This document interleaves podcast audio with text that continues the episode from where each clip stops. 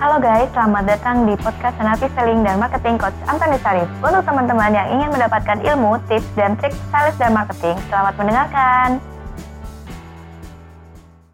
Halo, welcome to Coach Antonis Arif YouTube channel bersama Coach Antonis Arif tentunya dengan Iren juga. Di episode kali ini kita mau ngapain Coach? Nah, kita menjawab ya, menjawab pertanyaan. Oh, boleh? menjawab pertanyaan. Ya, menjawab Oke. pertanyaan. Pertanyaannya apa ya? Pertanyaan. Saya lupa ya. Aduh, ini aku kasih tahu nih ya pertanyaannya. Ah. Jadi ada salah satu teman bertanya. Hmm. Jadi terkadang itu kan dia presentasi, kita presentasi ke perusahaan, ucuk-ucuk masuk, tiba-tiba di ruang meeting udah ada lima orang gitu. Terus kan kalau Coach Arif kemarin-kemarin cerita itu kita salah satu yang pertama itu harus harus menjalin hubungan. Menjalin hubungan, betul. Nah kalau udah kayak gitu gimana Coach tiba-tiba ada lima orang? Oke, gini. Jadi gambarannya begini ya. Kalau saya kasih gambaran dulu.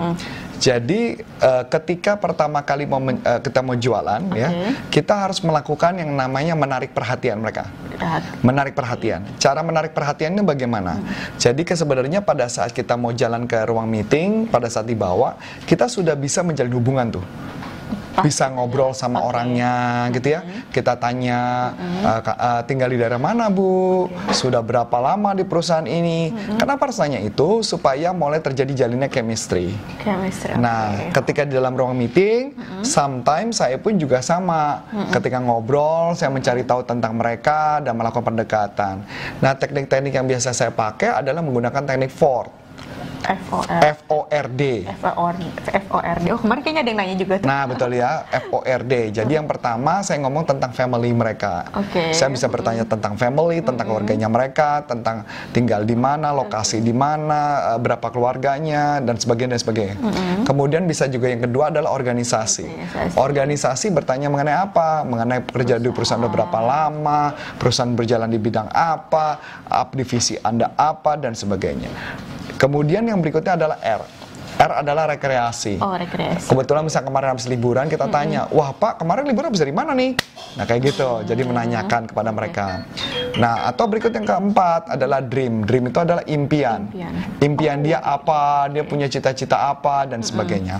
Nah tap, itu adalah teknik melakukan pendekatan Yang biasa yang biasa dilakukan. Dan kebetulan saya kalau di ruang meeting, saya biasanya melakukan itu. Jadi di awal. Oke.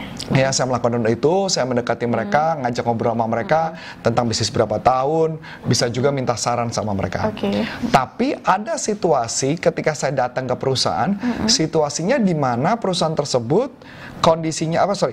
Uh, orangnya sudah ada di dalam ruang meeting. Langsung to the point. Oke silakan presentasi. Nah itu jadi oh oh berarti Iya. tekniknya nggak jalan tuh.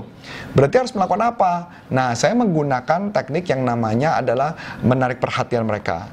Nah cari menarik perhatiannya adalah apa? Yang pertama bisa saja saya menceritakan tentang eh, misalkan contoh tentang situasi yang terjadi di lapangan saya bisa ngomong angka persentase, kondisi kejadian. Nah, presentasi saya di awal saya tidak pernah ngomong langsung company profile, tidak pernah. Tapi saya ngomong dulu tentang ini loh kondisi yang terjadi di lapangan. Oh. Saya ambil contoh yang paling simpel, misalnya sederhana gini. Misalkan saya jualan training, saya ngomong "Eh, tahu nggak bahwa misalkan contoh data ya 86% training yang gagal adalah training yang terlalu fokus kepada motivasi. Atau 86% training gagal karena eh, training tersebut hanya sekedar training tapi tidak ada follow up session atau Training yang gagal adalah mereka training yang cuma hanya fokus di berkaitan dengan keahlian, tetapi tidak ada cara mengimplementasinya. Oke. Misalkan kayak gitu contoh. Nah, ketika dan akibatnya apa? Itu adalah buang-buang uang perusahaan. Begitu kita ngomong buang-buang uang perusahaan, perusahaan mendengarnya, aha, ini adalah orang yang saya cari. Oke. Ya, itu gambarannya. Kalau jual mobil gimana?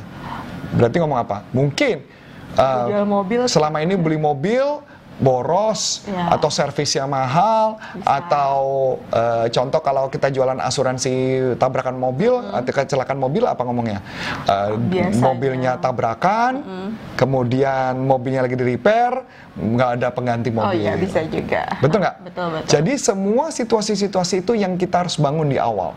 Karena itu pada saat itu yang membuat mereka gain attention atau mena- per- apa, menarik perhatian mereka supaya fokus kepada kita. Oke. Ketika mereka fokus kepada kita, maka jualan kita akan jauh relatif lebih mudah, Mbak Iren. Oh jadi kita carinya tetap grab attention itu adalah tetap satu dari bagian dari menjalin hubungan. Menjalin hubungan. Oh, jadi kalau kita tidak bisa melakukan itu, tidak akan bisa jalan tuh. kalau Nah, dua-duanya kita lakukan, lebih bagus, lebih bagus. Lebih bagus ya? Tapi yang jadi masalah banyak orang yang melakukan kekonyolan adalah ketika presentasi langsung mempresentasikan penawaran apa yang mau ditawarkan. oh, yang kayak episode kemarin kita bilang presentation solusi. Oh presentasi solusi, padahal harusnya nggak boleh.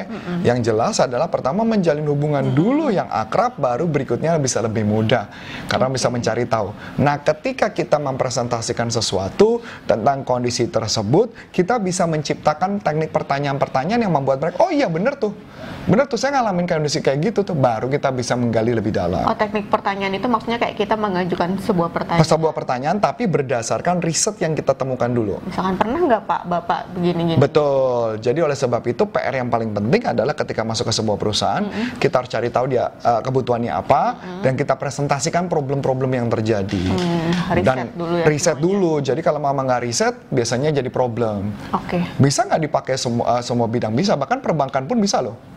Oh, perbankan untuk? Wah, per- sama dong perbankan misalnya cari cari cari fund dana. Oh ri- ya. Eh, cari dana ya funding nggak istilahnya funding atau mungkin mau pinjemin lending. Lending, kan? Ketika pinjam lending berarti ngomongin apa?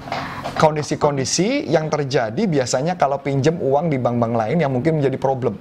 Dan itu yang dikemas di pertama ketika kita ngomong dan kemudian oh ya itu saya tuh.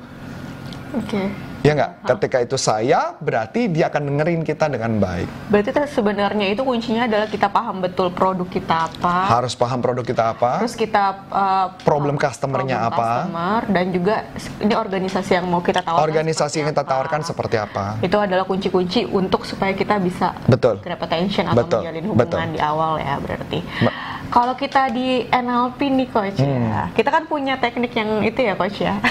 bisa kasih kisi-kisinya dikit. yang mana nih teknik mana Teknik yang kalau misalkan kita uh, mau uh, yang nganin orang, jadi orangnya lebih nyaman sama kita. Oh, supaya orang yang lebih nyaman. Ah, oh, iya. pakai gerakan-gerakan aneh. Iya. Wah, itu kayaknya kita rahasia lah ya. Mendingan kita nggak share di sini ya. Ayo, udah itu itu adanya itu adanya di itu kelas NLP. di kelas lisensi NLP practitioner karena maksud saya Pak Mas Iren adalah bagaimana caranya mempengaruhi orang cuma dengan gerakan tangan saja. Iya, Maksudnya gitu kan? Ya, jadi kita memang punya banyak teknik yang membuat orang bisa bisa suka dengan kita, bisa tertarik dengan kita cuman hanya dengan gerakan tangan. Tapi memang tidak di-share di sini Iya. karena itu confidential Biar banget itu ya. aja nih biar keluar aja Ah, gitu ya. Oke.